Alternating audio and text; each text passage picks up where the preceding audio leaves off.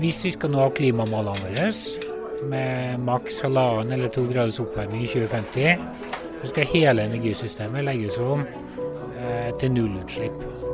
Det er en vanvittig utfordring, eh, samtidig som det er fullt mulig. Men da må vi komme i gang nå. Eh, og hvert år vi venter, desto vanskeligere blir det. For for hvert år vi venter og faktisk har store CO2-utslipp, så må vi ta det igjen etter 2050. Så for hvert år vi venter, blir det bare dyrere. I 17 år har forskere fra hele verden reist til Trondheim på en årlig konferanse for å oppdatere seg på det nyeste innen havvind. I år ble også næringsliv og interessenter invitert. Bak arrangementet står Sintef og NTNU sammen med Energy energibransjens digitale kanal. Jeg heter Skjult Kristian Aamodt, er gründer og administrerende direktør i Energy, og jeg var til stede på arrangementet. Du lytter til energibransjens temapodkast med annonsørinnhold fra Sintef Energi og NTNU Energi. Hva skal til for å lykkes med havvind, eller for, at Norge skal lykkes med havvind?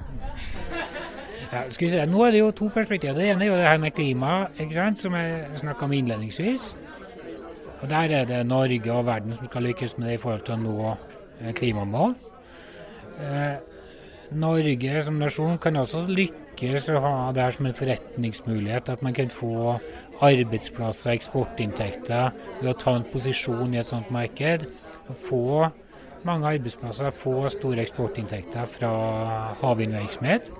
Jon Olav Tande er sjefsforsker i Sintef. I dag så er havvind allerede Norges største eksportnæring knytta til de fornybare energiteknologiene.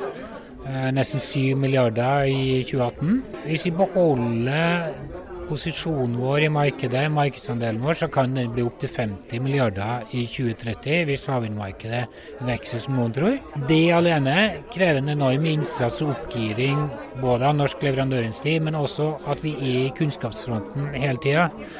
Fordi de arbeidsplassene og de leveransene vi har, de er kompetansetunge. og vi er kun konkurransedyktige så lenge vi har faktisk ledende kompetanse på det området. Jon Olav Tande sier det haster, men hva er status nå? Vi spør Hanne Vigum, som er ansvarlig for sol og vind i Equinor, om hvor i løypa de er. Ja, nå har vi jo tatt de viktige stegene fra, en, eh, fra på en måte idé via en demo, og, eh, og via verdens første, første flytende havpark utenfor Skottland, hvor vi har fått eh, gjort oss utrolig viktige erfaringer som vi vil, har gjort, oss, gjort det mulig for oss å redusere kostnadene. som vi ytterligere vil få ned gjennom neste utbygging, som vi nå er klar for å, for å gjøre på Hywind Tampen. Eh, og det er en utrolig viktig milepæl for oss for å kunne ta den viktige neste steget på skalaen og opp mot uh, en industrialisering, som er det vi trenger for å få fra kostnadene videre ned. Hywind Tampen vil bestå av elleve vindturbiner basert på havvindkonseptet Hywind, som er utviklet av Equinor. Vindturbinene vil kunne dekke om lag 35% av det årlige behovet for elektrisk kraft på de fem plattformene Snorre A og B og Gullfaks A, B og C. Equinor og resten av partnerskapet bak Hywind Tampen får 2,3 milliarder kroner i statsstøtte fra Enova til det som blir verdens største flytende havvindpark. Så er jo per dags dato Equinor en pengemaskin. Hvorfor er dere avhengig av midler fra Enova for å, å, å satse fullt ut på havvind eh, på norsk sokkel? Det er jo sånn at For enhver teknologiutvikling så vil, vil, jo kostnaden være høy i starten. Og for hvert uh, trinn du tar, så vil jo kostnaden gå ned. Men du må, få, du må gjøre de stegene, og du må ta skalaen. Og, og det, det, står ikke på egne bein i den fasen, i de første eh, oppskaleringstrinnene. Det har vi sett på i Tyskland er et godt eksempel på hvordan de der har kraftig subsidiert sol eh, for å komme ned til den kostnaden hvor, hvor, det er nå, hvor det står definitivt eh, på egne bein. Eh, det samme har vi sett på, på bunnfast. Og der er vi på flytende vind nå. At vi, vi trenger støtte for å kunne eh, få ned den kostnaden og gjøre at det her kan eh, bli skalert til et kommersielt, konkurransedyktig, eh, subsidiefritt produkt i fremtida i mange marked. Aker Solutions er et eksempel på en leverandørbedrift som satser på havvind. Knut Vassbotn er Head of Business Development Offshore Wind i Aker Solutions. Hvilke muligheter ser han for havvind? Det er absolutt noe som Norge bør satse på, men man trenger en uh, politisk vilje. Og, du trenger å sette områder uh, tilgjengelig og uh, tilsvarende rammebetingelser for å få det til. Hva gjør Aker Solutions nå? Vi har jo prosjekter som er i fasen hvor de blir ferdigstilt. Som utvikler så jobber vi med prosjekter i Korea og USA, som vi nevnte. Og så er det jo andre markeder som er interessante, i Europa og i Asia, først og fremst. Eh, du nevnte i presentasjonen din at Norge har vunnet i lotteriet for tredje gang. Kan du utdype det? Ja, vi eh, er jo en energinasjon, og det har vi vært i 100 år. Og eh, etter at vi hadde vannkraften, var kanskje et av de første landene i verden som elektrifiserte industrien, så fant vi oljen 50 år siden. Og nå, for tredje gang, så har vi en fantastisk vindressurs som ligger tilgjengelig for å industrialiseres. Bunnfast havvind, altså vindturbiner som står på havbunnen, er nå godt på vei lønnsomme uten subsidier. Men når det gjelder flytende havvind, så viser analyser at dette først vil kunne være lønnsomt uten subsidier i 2030. Vi spør Einar Kilde Evensen, ansvarlig for fornybart og infrastruktur i DNB Bank. Det er jo dilemma. Fordi det er mye dyrere enn å bygge vindmøller på land og bygge solceller på land. Så et eller annet sted må den, eh, den biten dekkes opp. Eh, vi eh, er jo nødt til å finansiere lønnsomme prosjekter. Vi kan jo ikke finansiere prosjekter som har høyere kostnader enn de har inntekter. Prosjekter som ikke klarer å betale tilbake lånet sitt. det sier seg sjøl at det går ikke, og Finanstilsynet vil komme og klippe oss ganske hardt. Så eh, det må jo være opp til industrien å sy sammen prosjekter eh, ved hjelp av eh, kontrakter og inntekter og eventuelle subsidier som lar seg finansiere. Eh, så er det i hvert fall sånn Når jeg har fått lån i banken, så er jeg opptatt av rente. Det er sikkert disse industrielle aktørene også. Hvordan eh, vekter dere rente på fornybarprosjekter versus fossile? Er det noen forskjell der? Renter eh, defineres av risikoen til selskapet eller, eller, prosjektet. Er det et uh, høyere risikoprosjekt, så er du nødt til å, å, å betale en høyere margin på, på lånet ditt. Ida Kreutzer er administrerende direktør i Finans Norge. Jeg ber han forklare hvilken finansielle risiko som er knyttet til havvind. Eh, altså sånn I tradisjonell forstand, når du bygger ut et større infrastrukturprosjekt, så er det tre typer risiko. Eh, den ene risikoen det er eh, prosjektering, utbyggingsrisiko. Ting kan bli dyrere enn det man trodde.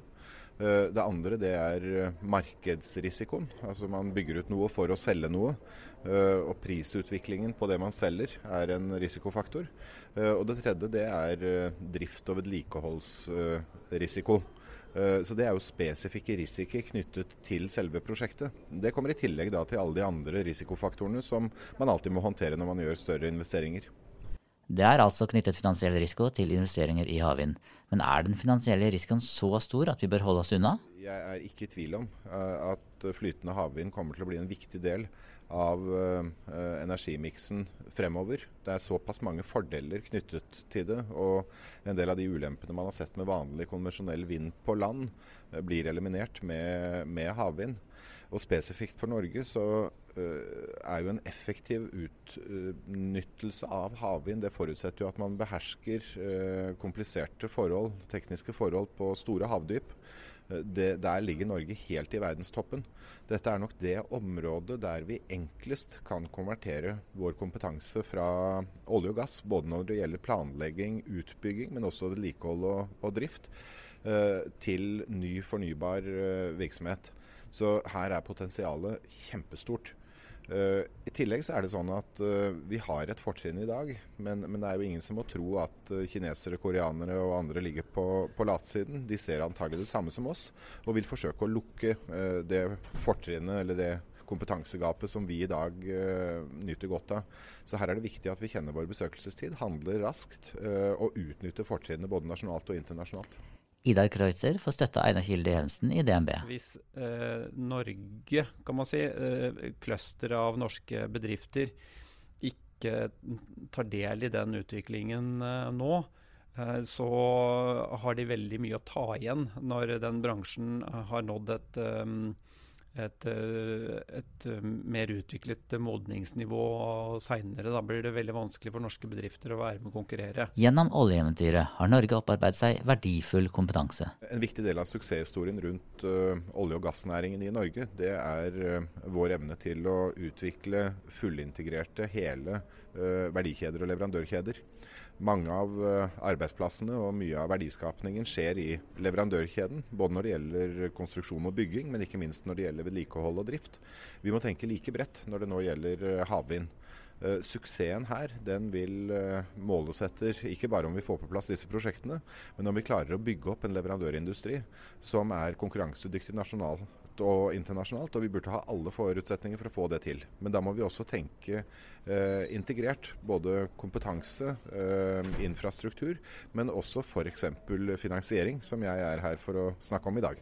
Industri, finansinstitusjoner og forskningsmiljø har store forventninger til flytende havvind. Men hva mener klima- og miljøvernorganisasjonene? Fornybar energi er bra, men så er det også eh, negative konsekvenser med havvind. Hvilke negative konsekvenser ser dere?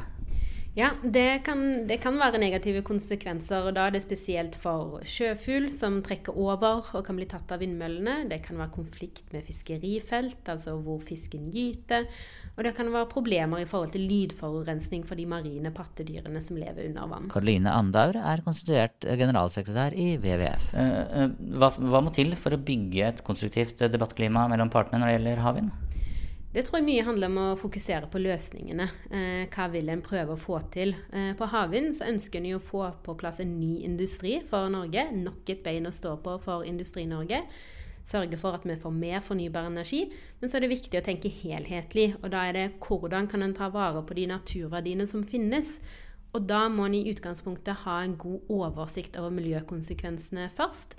Og så tar vurderingen kan en bygge ut havvind i akkurat dette området, eller må vi flytte det til et annet område. Karoline Ander har en tydelig oppfordring til politikerne. På havvind er jo alle enige at det er en bedre ting enn på land i forhold til å unngå de verste negative konsekvensene for natur. Og samtidig så kan en bygge kabler sammen med andre land i Nordsjøen som kan sørge for at en får en bedre utbygging og på kraftoverføring mellom landene. Eh, og det som er så trist å se nå, er at eh, de ulike politiske partiene de snakker litt om havvind som en sånn mindre ting som vi kan gjøre litt på si, istedenfor å tenke sånn som vi gjorde når vi bygde opp olje- og gassektoren. Altså hvordan kan flytende havvind bli det nye industrieventyret til Norge? Og hvis du hører på mange av de politiske partiene, så er de stort sett enige. Men de tør ikke å komme sammen og samle seg om en god strategi for et felt som alle sier er en vinn-vinn-situasjon. Også Jon Evang, som er fagansvarlig for energi i Zero, er positiv til havvind. Vi er uh, veldig positive til uh, flytende havvind. Uh, både som en klimaløsning globalt og som en næringsmulighet nasjonalt. Så vi har jo foreslått at man bør ha et mål på norsk sokkel om 3 gigawatt havvind. Og operasjonalisert det hvordan man kan få 1 gigawatt havvind fram til 2025. Karoline Andaur fra WWF nevnte at havvind også kan ha negative konsekvenser, bl.a. for fiske. Otto Gregussen er generalsekretær i Norges Fiskarlag. Hva må til eh, for at havvind skal bli en felles suksess? Og med felles mener jeg at også Fiskarlaget eh, syns at det har blitt en suksess. Ja, først og fremst så må man ha respekt for hverandre og skjønne at det finnes forskjellige interesser. Det går ikke an å drive fiskeri der man produserer havvind, og da er det viktig at man legger havvindanleggene på områder der det er lite eller ikke noe fiskeri. Det er en stor teknologisk utfordring, men også en prosessutfordring å få det til. Jeg tenker sånn at Vi burde faktisk ha en visjon i Norge uh, som, som sa at vi skal være det første landet i verden faktisk som greier å bruke havområdet til ulike næringer på en, en god måte. Hvor vi tar vare på miljøet, det biologiske og næringsmessige miljøet i havet. Johan Hustad er direktør ved NTNU Energi. Og Det betyr at vi har en tusenårs historie på fiskeri, bare for å si det litt enkelt. Vi har en tusenårs historie på, på skip og, og, bygging fra vikingtida og frem til i dag. Eh, vi har en maritim industri på basis av det igjen. Eh, vi har en akvakultur, altså fisk, eh, ja, akvakultur som, som, også er viktig, som er ute i havet. Og nå bygger vi havvind, sånn at alle de interessene her skal kunne være til stede i havet med full respekt for hverandre og hverandres egenverdi, for å si det sånn. Og så må vi jo sørge for at alle de aktivitetene vi setter i gang i havet, ikke har store miljømessige konsekvenser. Altså Det er alt fra avfall i havet, altså populært nå er jo plast i havet. ikke sant? At, at du forurenser havet eh, av eh, elementer som ikke skal være der. Og at du ikke ødelegger de, det økosystemet, altså natursystemet som er i havet, som fiskeriene er helt avhengig av. ikke sant? Sånn at alt det der, den visjonen om å være det første landet i verden som faktisk greier å samordne så mange interesser, det ville vært en skikkelig visjon for Norge. Det prates en del om at verden trenger mer energi. Men hvor mye energi kan vi egentlig få fra havvind? Vi spør Jon Olav Tande i Sintef så er det kanskje litt vanskelig for folk flest å forstå hvor mye energi eller hvor mye kraft dette er. Altså Man forholder seg til strøm i veggen og, og bensin eller diesel på bilen, og så begynner man å få elbil. Men hvor, mye, hvor stort er potensialet eh, for havvind globalt med tanke på produksjon av energi? Eh, globalt totalt så kan havvind dekke 18 ganger verdens selvforbruk eh, nå. Eh, og så er det klart at eh, det er ingen som tenker på å bygge ut 18 ganger verdens elbehov. Eh, I Europa så snakker man om å kunne bygge ut noe som kan dekke en tredel av elbehovet i 2050. Så de andre to tredjedelene kan dekkes av sol, noe landvind og andre fornybare som ikke gir utslipp. Eh, kanskje også hydrogen og andre ting. Eh, men havvind tenkes å være en stor andel av europeisk eh, kraftforsyning i 2050, altså en tredel. Men potensialet er 18 ganger verdens elforbruk. Takk for at du lyttet til energibransjens temapodkast. Jeg heter Skjult Kristian Aamodt og er gründer og administrerende direktør i Energy. Jeg lar Hanne Vigum i Equinor avslutte denne sendingen. Utfordringene eh, vi står overfor nå er så komplekse at det vil kreve samarbeid på tvers av sektorer mellom industri, leverandører og forskningsinstitutt og myndigheter. Og får vi til det her, så har vi eh, som nasjon og aktører de beste forutsetningene for å lykkes. Så hva er drømmen din? Ja, eh, altså drømmen er jo at eh, selvfølgelig i når i fremtida vi har en fin sommerdag, kan seile ut i havet, og hvor vi blir møtt av store flytende vindparker som utnytter vindressursene på en optimal måte, hvor vi tar i bruk, hvor vi har å ta i bruk ny eh, teknologi eh, for å, å lære, eh, for, å ta, for, å få kostnaden ned, og hvor eh, vi har sameksistensen i fokus. Og kanskje vil vi der òg møte flytende eh, solpaneler på innseilinga. Kanskje vil det produseres hydrogen, hydrogen fra krafta fra turbinene for å sikre stabil kraft når det ikke blåser. Eh, og som jeg sa i sted, fremtida er usikker, vi, og vi er forberedt på å bli overraska. Men sammen må vi utvikle de fremtidige løsningene vi vil trenge. Du lytter til energibransjens temapodkast med annonsørinnhold fra Sintef Energi og NTNU Energi.